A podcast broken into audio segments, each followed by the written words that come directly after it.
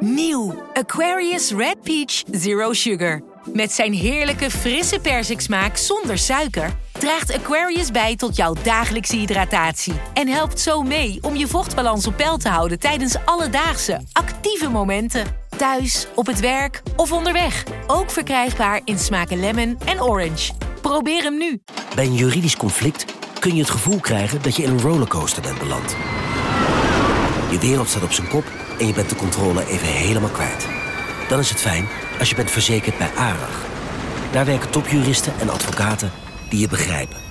Die een stap extra voor je zetten. En je het gevoel van controle teruggeven.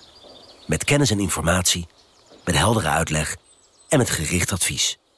ARAG, juridisch probleemoplossers.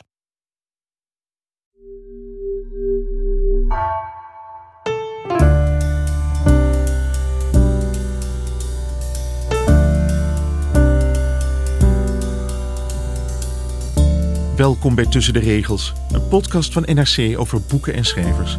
Mijn naam is Michel Krielaars.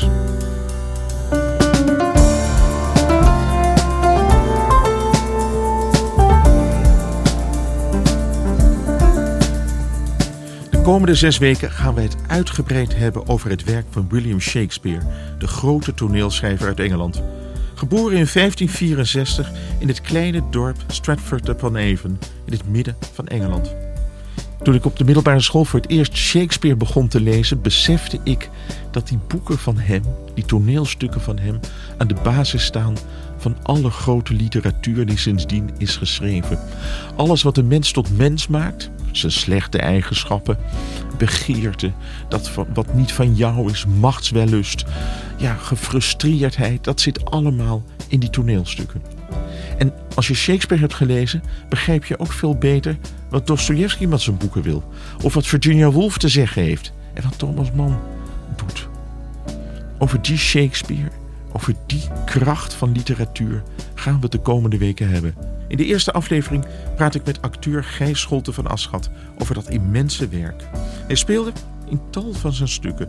Midsomernachtstroom, Hamlet, Richard II, Othello, maar ook in moderne bewerkingen van Shakespeare-stukken zoals de Romeinse tragedies en het stuk Shakespeare by Heart, waarin hij samen met Pierre Bokma in theaters een geweldig college Shakespeare-kunde gaf.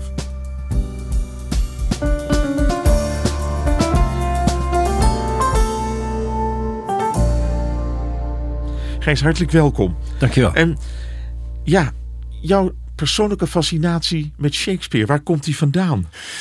Hij komt eigenlijk van. Uh, ik zat op de toneelschool en ik, mijn idee was dat ik een klassiek acteur wilde worden. Dat had ik zo in mijn hoofd gezet. En daar hoorde Shakespeare bij. Daar had ik van gehoord, Shakespeare. Uh, en ik zat in uh, eind jaren 70, begin jaren 80 op de toneelschool. En niemand van mijn klasgenoten wou Shakespeare met mij doen. Ik had een leraar die daarin gespecialiseerd was. En ik wou voor mijn eindexamenstuk een Shakespeare doen, maar dat kon niet. want ik, ik was maar alleen. Um, dus ik heb iets anders gedaan met deze leraar. En daarna kwam ik bij de Haagse Comedie. En toen heb ik deze leraar, Jon Umescu, die woonde in Parijs, uh, twee zomers lang opgezocht om toch te leren hoe ik Shakespeare moet spelen. Want dat had ik niet gekregen op de toneelschool. En van hem heb ik eigenlijk de passie en de liefde gekregen. En ik begon bij de Haagse Comedie met Midsomernachtsdroom, uh, Romeo en Julia te spelen, later Othello. Um, dus toen raakte ik echt thuis in zijn oeuvre. En ik had van die man eigenlijk al de liefde en, en ook wel de passie gekregen hoe je het moet spelen, wat er allemaal achter zit. Um, ja, en sindsdien heb ik er heel veel gespeeld. En, en is die passie alleen maar groter geworden. Hoe moet je het spelen? In één zin? Nou ja, nee. Dat is heel moeilijk. Ik vergelijk het eigenlijk altijd als ik lesgeef dat je. Um, die, die, het, is, heeft, het is natuurlijk in versvorm. Dus da da da da da da da da da da da. Um, maar dat moet je, als het goed is, verbloemen met hoe jij denkt dat je die zin en die emotie vorm geeft. Dus ik vergelijk het met een standaard liedje, wat je gewoon kan spelen. Someday my prince will come, weet je wel. Someday my prince will come. Um, maar wil je er nou jazz van maken, dan moet je eerst dat oude liedje heel goed bestuderen. En dan kan je het naar je hand gaan zetten met timing, met adem, met ritme. Thelonious Monk doet dat geweldig. Uh, dat zoekende spelen. En dat kan je dus met Shakespeare ook, als je eerst begrijpt hoe dat metrum in elkaar zit, waar je adem haalt, hoe die zinnen in elkaar overlopen. En dan, als je dat kan, kan je het naar je hand zetten en dan kan je er jazz van maken. En dan kan je vrij spelen eigenlijk. Wat heb je precies van die uh, Jan UNESCO geleerd? Ik had een afspraak met hem gemaakt om 6 juni in Parijs aan te komen. En daar op dat adres. En ik kom 6 juni, bel ik aan. Ik toch een beetje zenuwachtig. was met de trein naartoe gaan, hotel genomen. Hij deed de deur open. Hij zei, zetten zich. Hij was half Duits. Uh, Duits-Frans sprak hij. Zetten zich. Ja, was ik weer, weer met Shakespeare. En we beginnen twee uur lang over Shakespeare te praten. En hij laat me dingen lezen en hij laat me dingen voordoen. En toen na twee uur zei hij, ja, maken we een kleine pauze. Wie geht's met Ihnen, Gijs? Dus hij was totaal obsessed met Shakespeare. En hij leerde me, hij zei, kijk, je moet als je bijvoorbeeld, hij zei, zeg maar tien kleuren. Um, en probeer die spannend, die tien kleuren te zeggen. Dus rood, wit, blauw, groen. Maar hij zei, je moet niet rood, wit, blauw. Nee, je moet er tempo en ritme inbrengen. En dat is met het. Dus je moet die, die, die opsommingen van Shakespeare, daar moet je mee gaan spelen. Daar moet je je adem onder zetten. Je moet bogen maken. Uh, uh, en, en, en dus met je hand een boog maken naar het eind van de zin. En op een gegeven ogenblik moet, is die, moet je die hand laten bewegen over vier zinnen. Zodat je die, die adembogen uh, die spanningsbogen uit die monoloog leert spelen. Um, en hij vertelde me waar het over ging en stelde me de steeds relevante vragen. Waarom zeg je dit? Waarom, wat bedoelt hij hiermee? Een, een zeer wonderlijke, wonderlijke, rare man. Um, getekend door het leven, maar geweldig docent. En een beroemdheid dus. Ja, bij, zeker ja. Een hele generatie in, van mij, van Pierre, met de Huub Stapel. Zo kennen allemaal Ionescu. Het hele oeuvre is ingedeeld in tragedies, comedies, koningsdrama's, die historische stukken. Nou, jij hebt uh, in al die genres gespeeld. Heb ja. jij een favoriet voor een genre? Nou, ik, ben, ik, ik hou wel toch wel van de historische. En, en, en ik, ik zeg comedies zijn leuk, maar het zijn, vind ik niet zijn beste stukken. Um, op het randje zit Midsummer Nachtstroom is natuurlijk wel een geweldige komedie. As You Like It. Um, The Taming of the Shrew. Uh, is, is natuurlijk half komedie, half kritiek. Ook een prachtig stuk. Maar mijn voorkeur gaat echt wel uit naar de koningsdrama's. Naar Hamlet, uh, uh, de tragedies, Macbeth, Richard III, um, Othello. Dat zijn wel mijn favorieten, ja. Wat is je absolute favoriet? Nou, ik denk dat als ik de twee stukken neem waar mijn hart van open gaat...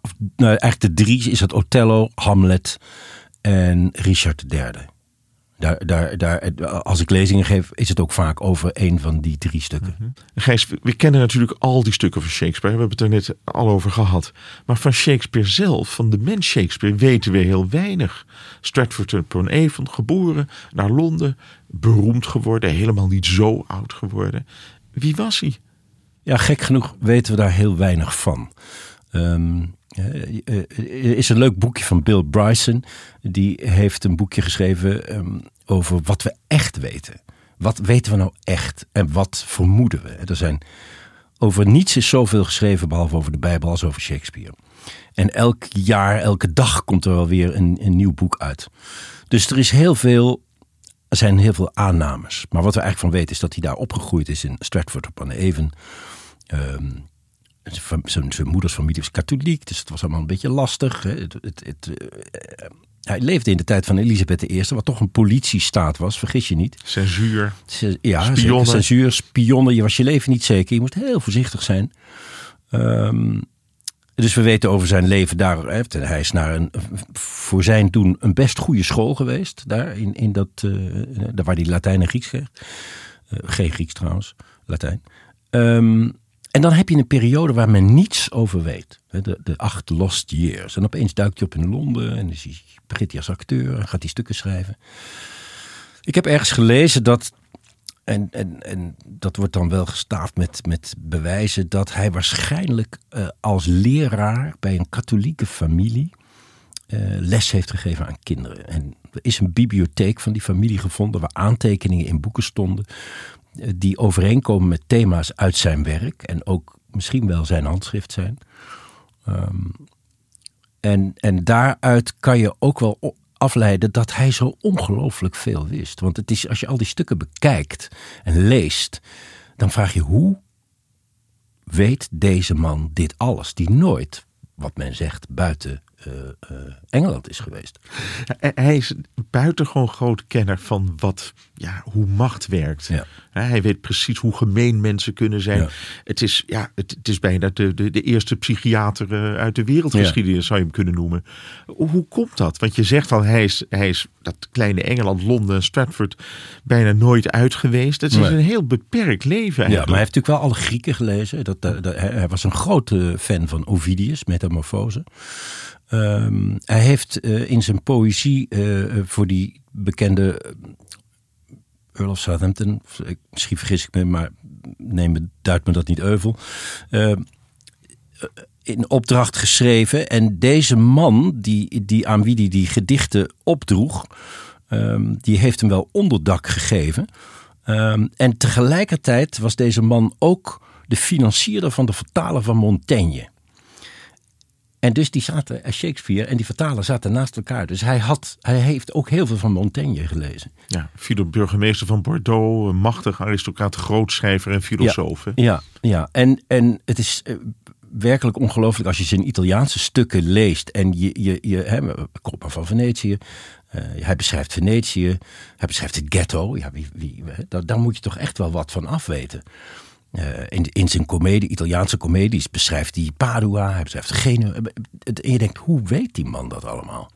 Maar hij heeft dus waarschijnlijk heel veel gelezen. Ik, ik, ik zeg altijd het oeuvre van Shakespeare, als je uitgaat van zijn idee over de mensheid en over het leven, zegt Shakespeare volgens mij, iedereen is in wezen goed. Ja, en als je al zijn stukken kijkt, ook de meest grote klootzakken, die, die zijn in wezen hebben die goede bedoelingen, maar, zegt hij dan, er komt een moment waarop ze moeten kiezen tussen reden en gevoel. En als het gevoel het wint, dan heb je de pop aan het dansen. En het gevoel, zegt hij dan, dat is heerszucht, dat is macht, geilheid, jaloezie, aanzien. Alle grote valkuilen uh, Macbeth bijvoorbeeld is natuurlijk gewoon een, prachtig figuur die in een van die valkuilen stapt. En dan is de ellende niet te overzien en begint het drama. Uh, Richard III, uh, gehandicapt, de moeder hield niet van. Um, twee broers die dominant zijn, denkt en nu ik, weet je wel. Ah, ik, ik, ik neem wraak op de wereld. Is dat ook de, de, de reden voor zijn succes? Hè? De mens wordt geleid door begeerte. Hè? Die geilheid die is uh, oppermachtig. Uiteindelijk zwichten we toch voor die mooie man of die mooie vrouw, die macht, dat geld. Zeker, ik denk, zeker, ik denk zeker dat dat uh, uh, iets, iets is wat we graag zien. drama is natuurlijk toch um, iets wat iemand die iets gaat doen en het loopt fout en we zien het en we denken, oh man, doe het niet. Weet je, kijk nou uit, kijk achter je. Jan Klaassen en uh, pas op. En hij past niet op. En verdomd, het gaat mis. Maar dat doet hij op zo'n briljante manier. Um, dat je ja, dat je niets anders dan ongelooflijk veel ontzag kan hebben voor zijn psychologie. En ook hoe, hoe, hoe, die, hoe los die omgaat met zijn plot. Uh, je, je, moet denken, in, in, in, de, in de Franse, je hebt de, de, de Franse tijd en de Engelse tijd. En de, de Franse uh, eenheid van tijd, plaats, handeling. Uh, genoeg voorbeelden van. Uh, een stuk begint hier, dan eindigt het daar. Het moet op dezelfde plaats zijn. Het moet een beperkte tijdspannen hebben. Nou, Shakespeare die trekt zich daar helemaal niks van aan.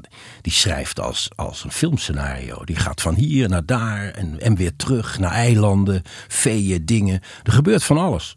En, en dat maakt hem dus echt vernieuwend. En het is natuurlijk ook wat die Franse toneelstukken vaak een beetje slaapverwekkend maken. Nou, die, hadden de reden en die hadden de taal natuurlijk heel erg. Hè. Dat zie je als je Racine leest, wat prachtig is. Statisch weliswaar. Statisch, maar, maar, maar eh, daar gebeurt alles in het hoofd. En, en dat, zo spelen ze het ook. En bij Shakespeare is het vooral het lijf. Vanuit je pik moet je het spelen. Want daar gaat het natuurlijk om. Hoe, hoe was dat theaterleven toen? de, de, meeste mensen konden niet lezen, dus je was afhankelijk van een stuk van je moest het zien. Ja. Dat zijn een paar dingen die je natuurlijk moet, moet, moet weten. Hij schreef uh, onder censuur, waar we het al over hadden. Onze politie staat. Dus als je de thema's van zijn stukken ziet en zijn onderwerpen, spelen die nooit in de tijd van Shakespeare. Dat kon hij niet. Dus al die stukken spelen, de, de hele koningsdrama's, dat is de geschiedenis van Engeland. Daar kon hij vrijelijk over schrijven, al die, al die koningen waren dood.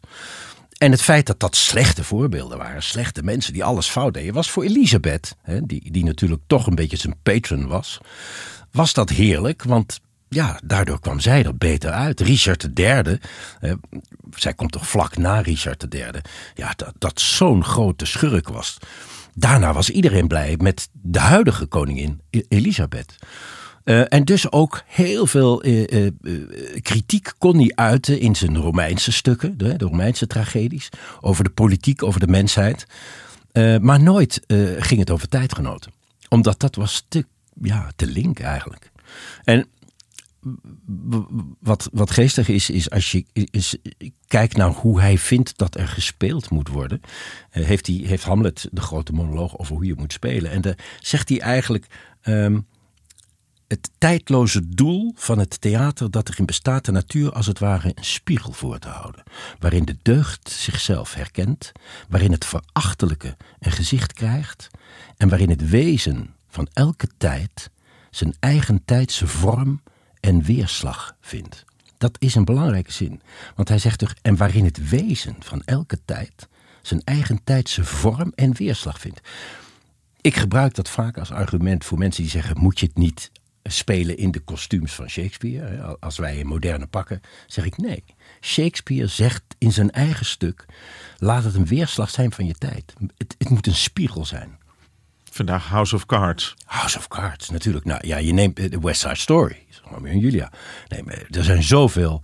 Uh, uh, Kiss Me Kate, weet je. Ja, ga maar door. Natuurlijk. Het, het is een bron van uh, verhalen. En het geestige is dat dat Shakespeare alles bij elkaar jat. Hij heeft niet één stuk zelf bedacht, behalve de storm. En de rest zijn geschiedenisverhalen. Holinshed, die de grote geschiedenis van Engeland heeft, daar heeft hij alles van gejat en geleend. En hij zette het naar zijn hand. Hamlet bestond al. Uh, geschreven door Kit, heeft hij helemaal naar zijn hand gezet. Um, Othello bestond al als een soort rare Italiaanse komedie. Die heeft hij helemaal veranderd en ook weer naar zijn hand gezet. En zijn verhalen kennen we nog en de rest niet. Maar zijn taal, is die dan uniek? Want je hebt dat Engelse, ik heb hier het hele verzameld werk voorbeeld. Ja. Ik zit er een beetje in te bladeren. Ja, als je het hardop leest, het is prachtige poëzie. Het is een Engels dat je nog altijd kunt horen in de verslaggeving van de BBC als het gaat over de ondergang van Boris Johnson. Kijk, zijn taal is natuurlijk. Ik, ik, ik zal zo'n stukje doen uh, waarin je twee dingen ziet. Dus, dus de, de, de rijkdom van de taal en de hardheid van Shakespeare. Um, als je in het klassieke theater van, van Shakespeare bent, dan heb je, dat is een, bijna en ronde, de mensen staan, uh, de, het volk staat op, op de grond. Het toneel is ietsje hoger. Dat is een, houten vierkant. Um, en, en dan heb je de eerste, eerste rij, eh, eerste balkon, tweede balkon. En dat ging steeds met een pens omhoog. Bovenin zat de adel, dan zat de gegoede burgerij, lage burgerij, het volk vier groeperingen eigenlijk. En als je zijn monologen bekijkt, dan zie je vaak dat hij drie of vier voorbeelden in de tekst heeft van iets. En die acteurs konden dus voor elke groep uh, konden ze zeggen. Uh, hij was zo geil als een aap. Hij was zo dit als dat als. En dan, als hij bovenin kwam, dan had hij vaak een Latijnse of Griekse vergelijking. Want dat begrepen zij, maar dat begrepen zij niet. Dus dan begrijp je al een beetje beter waarom hij vaak zo breedsprakig is. Dat was dus voor de vier lagen van de bevolking. Uh, mag ik een citaatje doen? Ja, graag. Het is een citaat uit Othello. Kun je dat verhaal nog even samenvatten? Jazeker. Um, Othello gaat over een Mauritaniër, dus een gekleurde man, uh, uit Noord-Afrika, die uh, de aanvoerder is van het huurleger van Venetië. Venetië is een stadstaat, een economische grootmacht, maar heeft geen leger. En Othello is daar, uh, die wordt ingehuurd als er problemen zijn. Als het stuk begint, heeft hij zijn oog laten vallen op de 15-jarige dochter van een van de stadsbestuurders, Desdemona. En hij maakt het beest met de twee ruggen en een of andere gondel Eh, hij ligt er te naaien, pak weg. Zegt, zegt Jago, zijn vaandrig. En eh, de stad wordt wakker gemaakt, want dit kan natuurlijk niet. Een 40-jarige uh, gekleurde generaal die met een 15-jarig meisje uit Venetië gaat, dat kan niet. Um, ze worden allemaal in, in, het, bij, in het paleis geroepen. En op het moment dat de burgemeester, de dogen, het oordeel gaat vellen, komt er een bode binnen die zeggen: De Turken vallen onze handelspost in Cyprus aan. En iedereen heeft Othello nodig. En dan zie je dat iedereen als een blad om de boom omdraait en zegt: Othello, help ons, je mag Desdemona hebben. Fuck it, weet je wel, maakt het uit. Je bent een goede vent als je onze economische belangen tegen de Turken maar uh, verdedigt. Ze gaan naar uh, Cyprus. Turken verzuipen. Uh, wind steekt op. Dat kan Shakespeare allemaal niet op het toneel laten zien. Dus hij verzint een wind. Ehm, ze komen daar aan. Hij heeft een vaandrig, Jago. En die kan het eigenlijk niet hebben dat hij niet tot luitenant wordt gekozen, maar iemand anders. En die besluit om op Cyprus wraak te nemen door Othello jaloers te maken dat zijn nieuwe luitenant Cassio het doet met zijn vrouw. En daar op Cyprus ontspint zich dus dit uh, drama dat Othello steeds jaloers wordt en ervan overtuigd is dat zijn vrouw vreemd gaat terwijl ze dat niet doet. En hij vermoordt iedereen. En het eindigt slecht. Dat is een mooie samenvatting. En heb je nog een mooi citaat paraat? Uh, als Othello tegen Desdemona, hij, hij, hij denkt dat zij vreemd is gegaan. En hij is zo des duivels op haar. En zij weet niet wat er aan de hand is. En zij zegt dus op een Wat heb ik in godsnaam gedaan? Wat heb ik gedaan? En dan zegt hij: Wat heb je gedaan? Wat heb je gedaan, jij hoer? De hemel walgt ervan. De maan verschuilt zich. De geile wind die alles kust wat op zijn pad komt, wil er niets van weten en verschuilt zich in de schachten van de aarde. Wat gedaan, jij schaamteloze slet. Dat is vreed tegenover die vrouw. Dat is vreselijk. Maar de maan verschuilt zich, de hemel wacht ervan. De geile wind die alles kust wat op zijn pad komt, wil er niets van weten. Dat is zo mooi. Dus hier, dit is een vreselijke tekst. Die, eh, eh, als, je het, als je het ziet, dan denk je, arme Desdemona, dat deze man dit tegen jou zegt. Maar de, de schoonheid van de taal is zo prachtig. Dus die vreedheid, die gaat vaak, is vaak ook heel erg mooi. Ja, maar die schaamteloze slet, die, die past ook zo in Herman Heijermans. Precies, ja. Dus hij, hij, hij, uh, hij, en hij is natuurlijk ongelooflijk recht door zee. En daar ook soms ook komisch. Uh, als een, de vrouw van zijn broer zegt: Je hebt mijn twee kinderen vermoord. Uh, klootzak. En nu wil je met mijn laatste dochter trouwen. Dan ontkent hij dat niet, Richard de Dan zegt hij: Ach, een man gaat wel eens onderdacht te werk om het in later uren te berouwen. Nou, daar krijg je een lach op uit de zaal. Dat is natuurlijk zo schaamteloos. Je, je, je ziet het Kevin Spacey zeggen in The House of Cards. Je merkt alleen al in zo'n stuk als Othello dat Shakespeare heel erg goed is in het kenschetsen van de menselijke zwaktes. Ja, en toch zitten ook daar ook motieven in. Juist omdat uh, hij zei, die Othello en Jago hebben twintig jaar in de trenches gelegen. Hebben, hebben, hebben tenten met elkaar gedeeld. Dat zijn bloedbroeders. En dan kiest Othello voor de weg van de hogere, uh, van de hogere adel. Door iemand van een goede familie te kiezen als zijn En niet iemand die het verdiend heeft.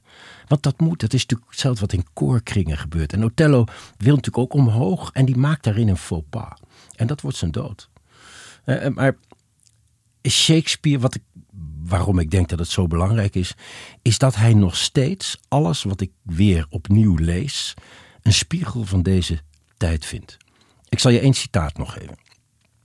Als Claudius, de stiefvader van Hamlet, uh, midden in het stuk, uh, die, heeft, die heeft de vader van Hamlet vermoord, zodat hij koning werd en kon trouwen met de moeder van Hamlet. Hamlet probeert daarachter te komen. Op een gegeven moment gaat hij naar de kapel om te bidden, deze Claudius. Hij heeft dus berouw. Maar het lukt hem niet. Het lukt, dat bidden lukt niet. Hij zegt: waarom kan ik nou niet. Waarom wordt me dit niet vergeven, deze afschuwelijke daad? En hij filosofeert terwijl hij bidt zegt: bestaat genade met behoud van buit? Dat is natuurlijk een prachtige zin, heel katholiek ook. Dus kan ik genade krijgen terwijl het mijn misdaad, wat ik gestolen heb, mag houden? En dan zegt hij tegen zichzelf: Dus bestaat genade met behoud van buiten in deze decadente wereld wel. Hier schuift de misdaad met vergulde hand het recht opzij en overheerst de markt de wet. En dat las ik laatst weer. Ik dacht, is dit Siewert misschien wel? Ja, het Marengo-proces. Alles, alles. dus, dus alles wat er nu gebeurt, waarin je, kan je zeggen, met vergulde hand schuift de misdaad het recht opzij en overheerst de markt, de wet. Of je nou Uber neemt, Nelly Smit-Kroes en al die mensen die, die gewoon ermee weg proberen te komen terwijl ze de zaak belazeren. En dat, ja, dat is natuurlijk prachtig gevat in deze drie zinnen. Ja, maar, maar dat maakt hem eigenlijk ook krachtiger dan, uh, ik noem een Proest of een Thomas Mann of een uh, Robert Moeziel of een, nou ja, als je, ja en, en zo kan je in elk stuk zijn er, zijn er, zijn er nou ja, heel Hamlet bestaat, hè, dat, dat zijn, dat zijn die, die, die twee grote monologen van, of het zijn eigenlijk vier, maar echt die twee belangrijke, gaan eigenlijk in essentie over hoe moet ik leven? Moet ik, moet ik risico nemen zodat ik het risico neem dat ik sterf? Of moet ik alles dulden wat mij overkomt en eenvoudig maar met de wind meegaan? Of moet ik opstaan tegen een zee van plagen? Ehm, en eigenlijk komt ze Hamlet er zelf achter door te zeggen: ja, een angst voor de dood is eigenlijk de angst voor het leven. De, bedoel, dat is natuurlijk alleen al dat je daarachter komt tijdens het stuk. Je moet, hij zegt: nee, ik ga ervoor. Oké, wat, wat er ook gebeurt, ik ga leven. Ik, weet je wel, en, en, en, en uiteindelijk sterft hij, maar hij, hij doet wat hij moet doen. Ja, je ziet tegelijkertijd ook altijd dat al die personages hele grote drijfveren hebben. Hè? Ja. Het is liefde, het is niet zomaar liefde. Het is net wat jij net zegt. Het is uh, of een beetje gemeen uh, Richard III lustspel. Wraak, macht natuurlijk heel vaak. Is dat de kracht van Shakespeare? Dat hij uitvergroot? Dat hij eigenlijk alle menselijke deugden ja. ja opblaast. Ja, nou, in die zin. Kijk, als je ziet hoe in Othello uh, uh, Jago dat gif van, het, van de jaloezie bij Othello inblaast, dan, dan doet hij dat zo subtiel. Maar het uiteindelijke effect is dat stapelt zich op. Dat is zo alles verwoestend. En Shakespeare doet het natuurlijk wel subtiel. Die neemt de tijd daarvoor. Hè. Dat, dat, die, grote scènes tussen Othello en Iago in het derde bedrijf. Die, dat zijn echt vijf scènes achter elkaar. Waarin het steeds erger en, en, het mes gaat steeds dieper. En het is op het eind houdt hij het niet meer. En, en dus is hij in staat om Othello om echt iedereen af te breken. Iedereen te vermoorden. Zo boos is hij. En dat doet hij. Kijk, hij, hij, hij drijft je tot het uiterste. En Shakespeare spaart daarin zijn hoofdrollen niet. De meeste gaan dood. Het is niet de man van de Disney. Hè? Hij is niet de man van het happy end. Neem Hamlet. Wat een schitterend filosofisch stuk is. Maar het is ook gewoon uh, een, een, een revenge tragedy. Het is gewoon Bruce Willis. Die, die, die theologie heeft gestudeerd en filosofeert. En dat is zo heel erg goed aan hem. Dat hij dat prachtige stuk Hamlet tegelijkertijd spannend, filosofisch. Er vallen negen doden, er is een gevecht op het eind, er is liefde in.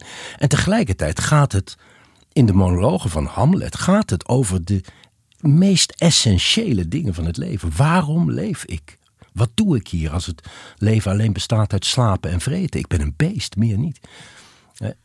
Hoe is dat voor jou als je het speelt? Misschien is dat een hele domme vraag aan een acteur. Maar jij, ja, jij internaliseert zo'n rol natuurlijk. En dan heb je het over die machtswellust. Ja. Eh, in die zin om te doden. Kun jij je dan ook helemaal voorstellen waarom iemand dat doet? Je moet dat natuurlijk uitdrukken op het podium. Ja, maar dat is, zijn taal helpt je. Ja, je, je, je stapje voor stapje kom je in die kolk terecht. En uiteindelijk kan je niet anders.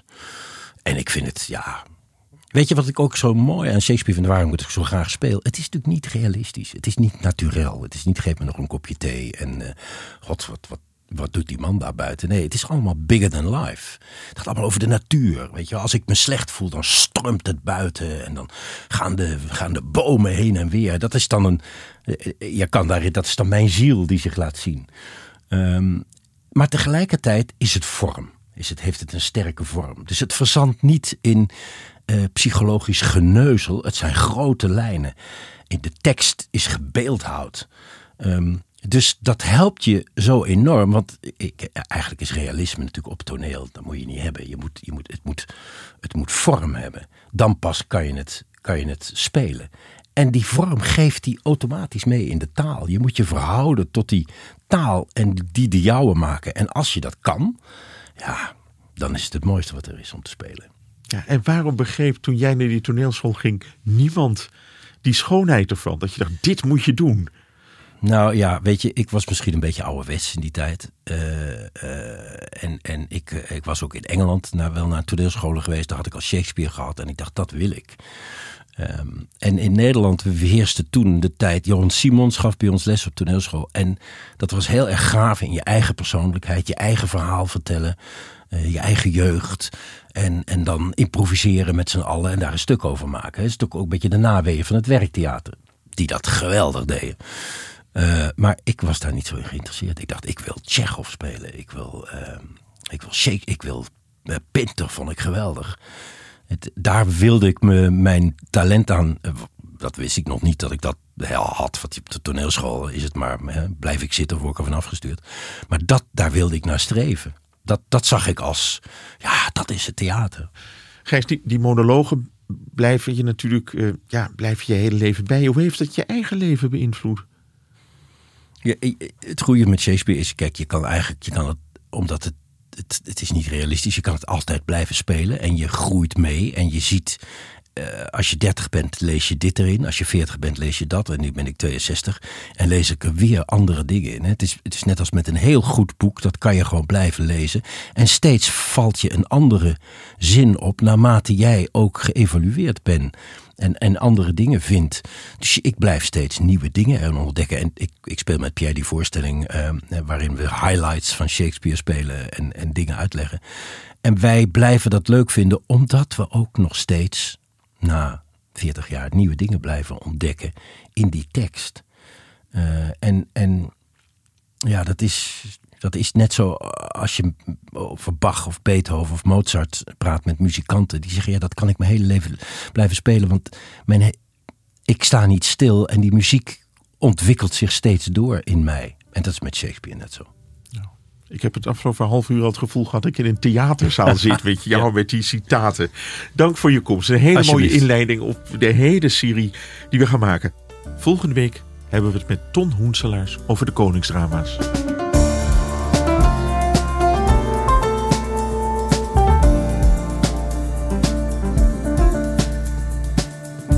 U luisterde naar een podcast van NRC. Deze aflevering is gemaakt door Maartje Willems. De editor is Jeroen Jaspers. Tot de volgende keer.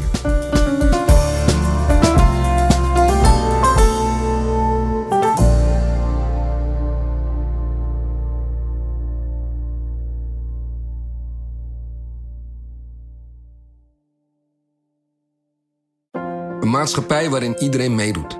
Een gezonde, groene en rechtvaardige wereld. Daar willen jij en heel veel andere mensen best iets aan bijdragen. In het klein en in het groot. Dicht bij huis en ver weg. Zo hebben we vorig jaar 349 miljoen euro bij elkaar gebracht. Miljoenen waarmee onze goede doelenpartners de wereld elke dag een beetje beter kunnen maken. Nationale Postcode Loterij. Samen voor een betere wereld.